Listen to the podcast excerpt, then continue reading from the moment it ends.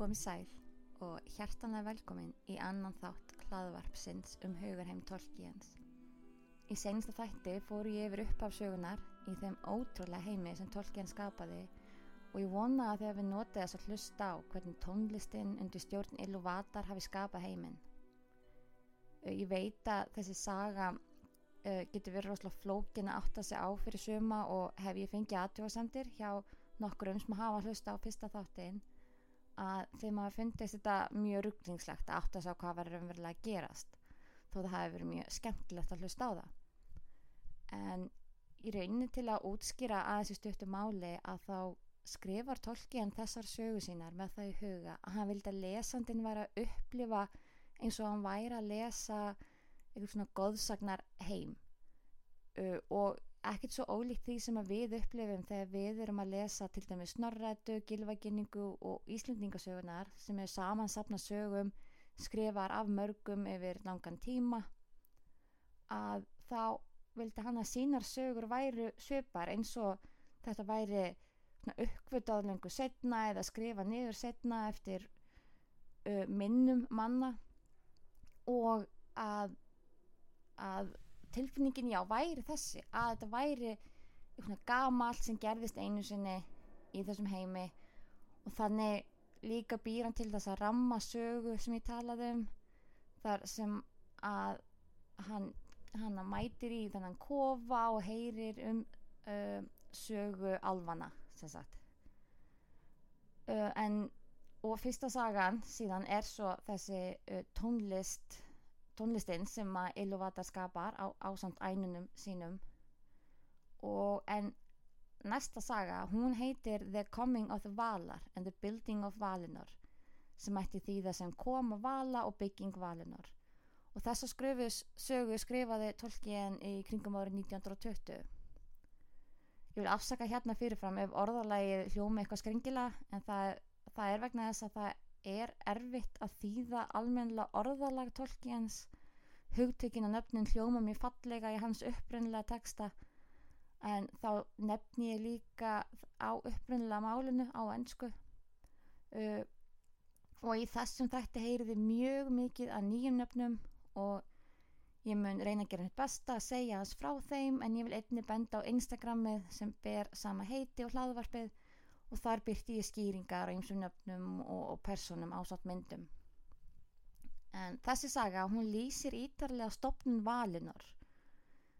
Sagan um tónlist ænura var sögð í rammarsjögunni sem gerist í Cottage of Lost Play í sínum dagan af almunum, alfunum Rúmil við ferðamannin Erjól eða Alfvæn uh, og þeir eru stattir í gardi nálagt kofanum uh, áhugi Erjóls á valar Ylvatar og sköpun heimsins hafði verið mikil og Rúmel var fús til að segja allt sem hann vissi um uh, þessi efni þess að valar sem að ég er að fara að segja frá núna er ákveðin stopn af ænur eða guðum. Ænur eru þeir sem að sköpu tónlistina sem að Illuvatar skapaði fyrst. Og hluti af þessum ænum uh, kalla sem sagt valar. Þeir eruðu eftir í heiminum og mótiðan og stjórnuðu náttúruöflunum. Og sagan hefst á þeim Manve, Súlimó og Varda hinn fagra. Manve Súlimó var konungur Vala hann var sér svona konungur guðana hann er eiginmar Varda hann er bróðum Melkós og hákonungur Arda hann stjórnaði vindum lofti og fugglum hann var mestur eða kallaður the greatest af einum uh, í valdi en ekki í mætti. Sest, hann var valdamikill en hann var ekki með mesta máttin hann stjórnaði mestu en var ekki sá kraftmesti. Hann var titlaður The Lord of the Breath of Arda eða andardráttar Arda og var því útnæmdur sem stjórnandi þess. Þess vegna var hann einni titlaður The Elder King. Varda, Elen Tauri, hinn fagra, hún er eiginkona mannve og drottning Vala. Varda þekkti öll hér, héruð Ea alheimsins. Ea er sérstaklega nafnið á uh, alheiminum Hún elskaði ljósið. Hún var sögð of falleg fyrir orð en það varpaði ylluvatar ljósi sínu inn í andlit hennar. Álvar elskuðu og dáðu hana mest af öllum vala því hún skapaði stjörnurnar. Sagan hefst með innkomi mannve og varta í heiminn, inn í ea. Þau flugu í gegnum þrjú lög loftsins sem kallast Vætía, Ylve og Vilna.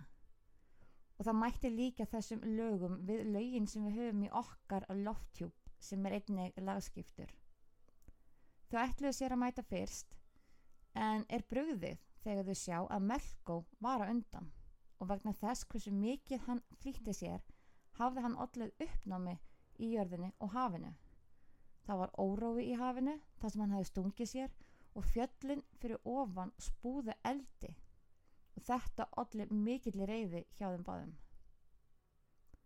Næstir af völum sem komu voru Ulmo og Ále á samt öðrum minnaþektum sem ég ætla ekki að nefna hér að nafn.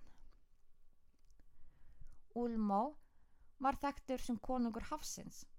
Hann var einn á voldugustu ænur, hann var þriðji í tigg á eftir mannvi og varda. Ulmo verður síðar þekktur fyrir að aðskilja sig frá öðrum vördum og einni fyrir að vera vingjarlegastur við börn illu vatar, sagt alfa og menn. Hann var oft einn, eignaðist ekki maka og mætti sjaldan þegar stjórn eða ráð vala hittist. Manve var þó í upphafi hans nánasti vinur og bandamæður. Ále var þekktur sem smiður og vann hann með grjót, malma, náttúrulega efni og vann ímis handverk. Ále stjórnaði þessum efnum og hann hafði indi af allri vinnu og handverkum sem hann var meistari í. Allt frá litlum skinnverkum til smíði allra landa og fjalla og hafsvæða. Hann bjóð til steina, gimsteina og öll steinefni. Hann naut þess að skapa og búa til nýja hluti og fá hrós fyrir þá. Og hann var eigumæður Javanna. Javanna var drottning jörðarinnar. Einni þekkt sem svo sem gaf jörðinni ávexti. Hún var kölluð Giver of Fruits og hún var ábyrg fyrir öllum rektunar hlutum. Hún skamta eftir þeim koma fleiri valar Uh, hér eru nöfn eins og Osse, Onjen, Tulkas, Lórien, Mandos, Vána, Nienna og. Uh, eh, Sískinin Magar og Messa komu senkt og uh, er gefið í skinn að best hefði verið að þau hefði aldrei farið inn í heiminn. Þar sem að þau tvö voru hrifin af óreiðu Melkos og voru meðal þeirra ænur sem fylgdu eða spiluði með þeim hans í tónlistinni. Og fyrir ykkur sem muni ekki Melko er sem sagt sá sem að var svona fór gegn tónlist Illuvatar í upphafi. Hann skapaði svona svolítið óreiðu og svona það sem síðar verður ílskan í heiminum. Uh, seinasti valinn til að koma var hann Ómar og ég ætla ekkert að fara nánar í það verður alltaf mikið og, og rugglingslegt ef ég, ef ég fer núna yfir hver kraftur hverjar þeirra sé. Um, með vala nú saman komna í heiminum spurði mannvi hvernig heimurinn yrði heiminum yrði leift að blómstra samkvæmt hönnun Illuvatars ef Melko heldi áfram að valda uppnámi. Hann segir að Melko sé að tortíma jörðinni skapati elda og usla og að valar muni ekki geta lifað í friði allir vala voru samvala honum nema makar var ekki samvala mannvi Tulkas og Mandos voru sendir til að finna hann, hann Melko. Þar sem Melko óttaðist á meira en alla aðra meðal vala. Þeir funda hann og Tulkas gefur honum þungt högg sem Melko glemdi aldrei og hann var færðið fyrir mannvi til að svara fyrir verk sín. Hann kom með afsökun að, að hann hefði einfallega verið að njóta nýja heimsins og lofaði að hann myndi ekkert gera gegn vilja mannvi. Melko fannst að hver vala ætti að búa einn þar sem þau voru ánæðust og ætti ekki að trubla aðra vala. Sumir valar treystu orði Melko en aðrir held áfram að efast um hann. Uh, nú kemur frásögn um landafræði þessa heims. Uh, það er núna alveg sniðugt ef þið hafa áhuga að skoða kort af heiminum uh, eins og tólkien uh, teiknaðan um, og hérna sagt, þá eldri heimsmynd af því að fyrsta heimsmyndin hans breytist síðan meir. En eldsta teikning tólkiens af heiminum var af skipi. En þá hugsaði hann heiminn eins og skip en síðan meir þá verða teikningina nær því sem við sjáum í nýlegri útgáðum Landafræðin hér getur verið rugglingslega fyrir þá sem þekkja silmerilinn af því að lýsingin á landafræðinni hún hefur breyst uh, síðan þá. En uh, hérna í upphafi þá lýsir hann heiminum svona.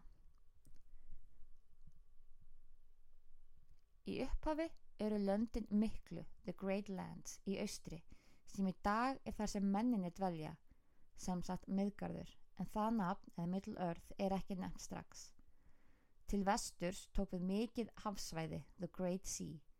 Þar mátti finna eigur, töfra eigur eða the Magic Isle. Þar tóku við þókuhaf eða Shadowy Seas sem voru hluti af hafinu mikla. En þar mátti finna fleiri eigur, the Twilight Isle, besta þýðingin sem mér deftur í hug fyrir þær væri rökkur eigar. Þókuhafið endar við Eruman, einni nefnt Arvalin, sem var söður hluti vesturlandana þar sem Malinor er staðsett. Áfram vestur þar til við komum að vestasta hluti heimsins er The Outer Ocean, ytra hafið, einnig nefnt Væ. Þar býr Ulmo, konungur hafsins og er sá sem að vildi oftast vera bara einn. En aftur á sögunni, melk og fer, en hinnir valarnir hugsa um og ræða orð hans. Á úli og Pal Lúrien sem voru mest reið yfir því hvernig Melkó hafði haft áhrif á heiminn vildu að valar myndi búa saman frekar enn í sundur og þau óttuðust að Melkó myndi nýta sér það ef valar byggju einir og ná smátt og smátt að hafa áhrif á hvern og einn.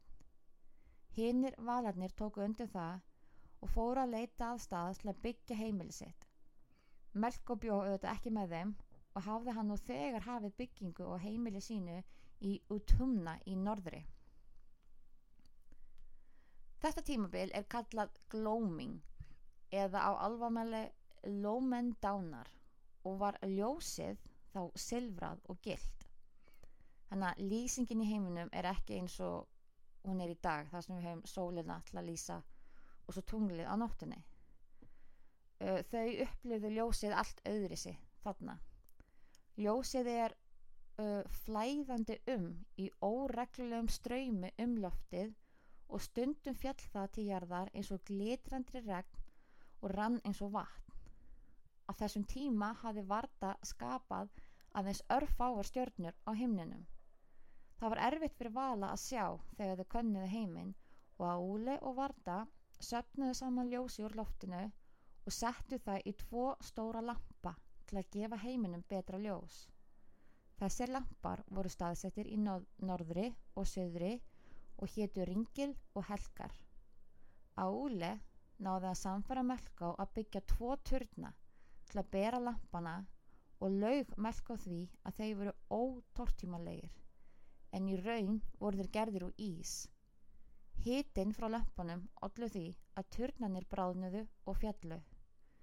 Bráðnaði ísinn stækkaði sjóin svo hann hækkaði og það flætti yfir margar eigjar.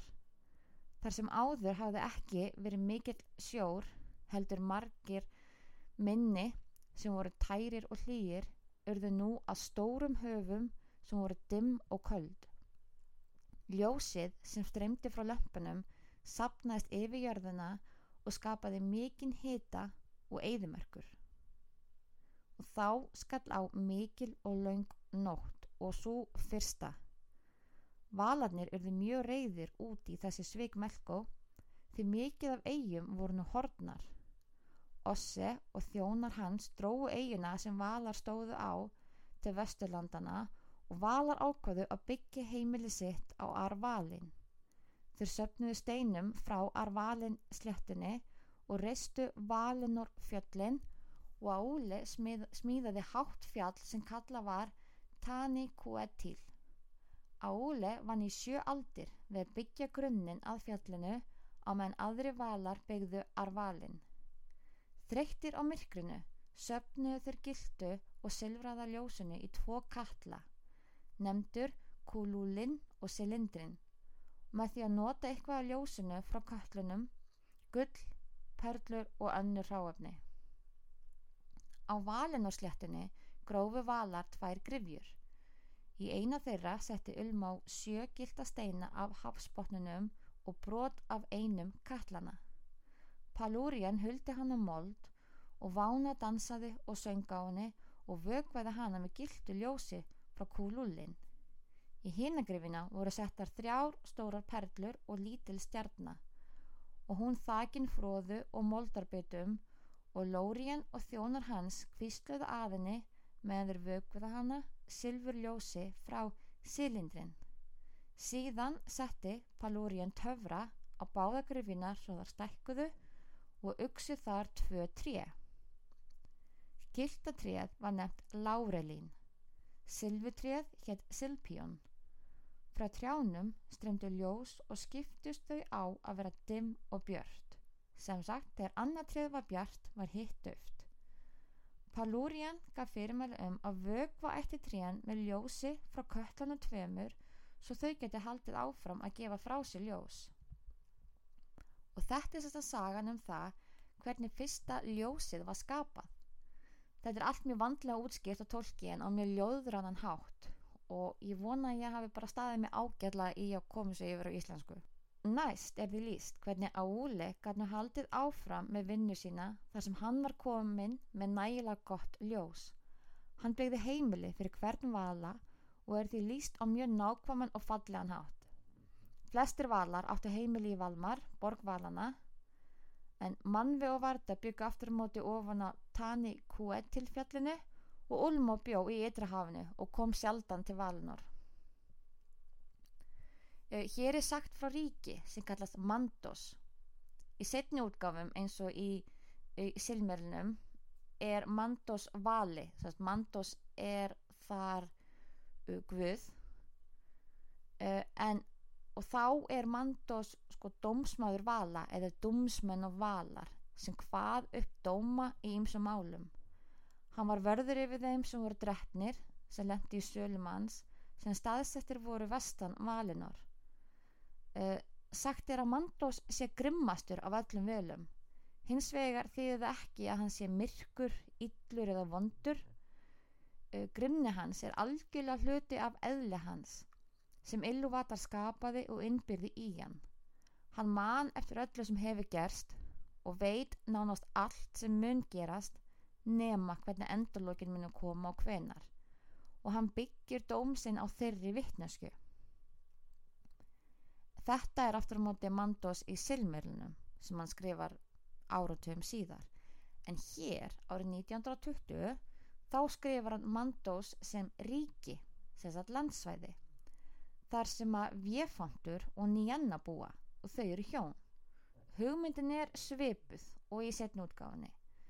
En þetta er staður þar sem þeir dauðu fara á, sagt alvar og menn. Salir Vjefandurs heita Vje og álvar sem dretnir eru eða degja úr sorg fara hingað til að láta véfandur dæma sig og býða endurfæðingar fyrir börn sín.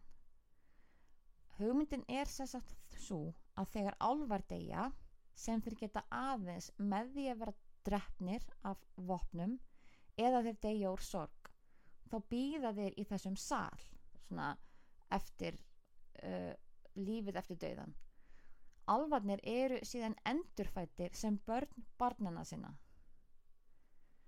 Uh, Setni hluti Mandás, þar eru salir Nienna, kallar Fúi. Uh, og hún Nienna, hún sendir frá sér sorgarski úr heiminn og hún er svo sem dæmir mennina eftir döðan. Og það sem að gerist hjá mönnum eftir döðan um, er líst þannig að það er raunin hægt að líka því svolítið við kristið uh, líf, eftirlífið þar sem menn geta lendi í annarkort himnaríki helviti eða hreinsunareldunum eða purgatóri. Sumir menn eru dæmdir af nýjannu og eru áfram hjá henni í Mandós. Aðrir eru reknir til Melko og kvæljast þar í Anga Mandi. Flestir menn eru þó settir um borð í svarta skipið Morníe sem siglir með frá ströndinni fram hjá Valnár og skilur farþega sína eftir á Arvalin sléttunni þar sem þeir býða eftir endalokunum miklu eða The Great End. Sumir eru teknir upp á bóðbyrra vala, hann er Norr-Nóri og fá þeir að búa í hamingju með völum í Valmar. Kristófur Tolkien, sonur Tolkien, spendir á að tekstin um þess að gviði og örlumanna sé með þeim erfiðari. Það sé mikil munur á þessari frásokn hér og í silmjörlunum og mikla breytingar verða.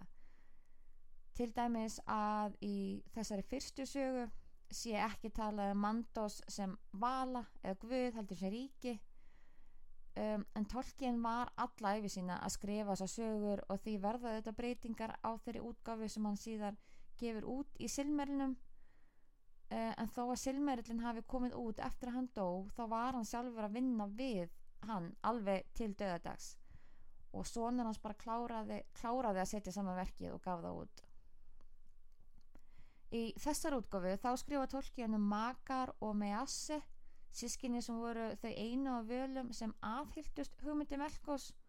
Þau til dæmis töluðu gegn því að bjóða alfanum í Valinor og sagði að Valinor hefði engungu verið ætla völum eða guðunum. Hérna færist sagt, sagan okkar yfir í, uh, aftur í rammasuguna, Cottage of Lost Play, það sem Rúmil, alverinn, sögumæðurinn er hún þreyttur og vil fara að sofa. Ég vil koma með nokkra aðtjóasendir um söguna uh, sem sögumar komið frá Kristófer sjálfum. Um, hann segir að þessi saga sé aðteglisverð að því leiti að nöfnin og mikið af smáadröðum um vala stöðu eða óbreytileg í hinnum ymsu útgáfum sögunar. Sum nöfn taka smávægilegum breytingum eins og bara ónen yfir í úínen. Um, en sömur valar sem byrtast hér uh, byrtast ekki aftur síðar uh, Ómar, Magar og Measse og svo bætast alveg fleiri valar við setna eins og ég sagði á mikið nýjum nöfnum og erfitt að átta sig á þeim, ég veit. Um, hérna er líka aðeins fara að tala um uh, skiptingu uh, sagt, ænura í Vala og Maja sagt, ænur eru guðunir og guðunir skiptast síðan í Vala og Maja og en hann byrjar að því að gera greinarmun á álfum síðan og pixie frumöfninu eða pixie element. Uh, á meðan álvarnir eru hluti af heiminum og bundni við hann voru það þessir pixíjar sem kom með völum og átt að þjóna þeim og urðu til fyrir og utan heimsins áður en heimurinn skapaður.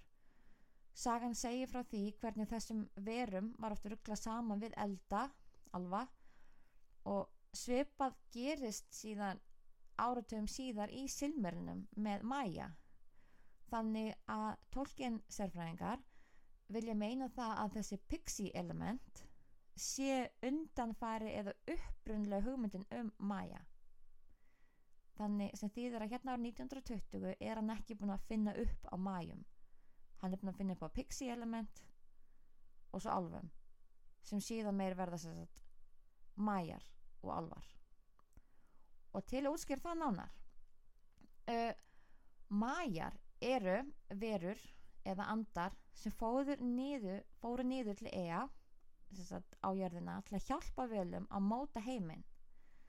Þeir voru fjölmargir en þó voru ekki margir nefndir og fáir tóku sínileg form í miðgarði og vel þekktir mæjar og nú er ég eftir að fatta hvað ég er að tala um. Það eru þeir Saruman, Sauron, Radagast og Gandalfur. Eh, þetta þýr ekki að mæjar hafi upprannlega heitið Pixies heldur er þetta dæmi um hvernig hugmyndi Tolkiens breyttust í gegnum tíðina. Hann byrjar á að skrifa um hugmynd um ákveðna verur sem höfðu ákveðna eiginleika. Síður á æfi hans breytist hugmyndin og hann endur hugsana og þá verða majar til. Þannig að verur eins og Gandalfur sem að við elskum og dáum flest held ég en hérna hann sem sagt eh, verður til þegar heiminum verður til og er sendur niður í jörðina til að hjálpa völum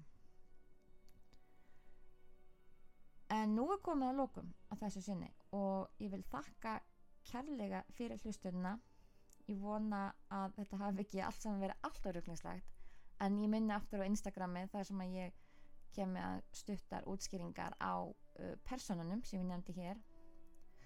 En næsti þáttur um, er heitir sem sagt Chaining of Melko.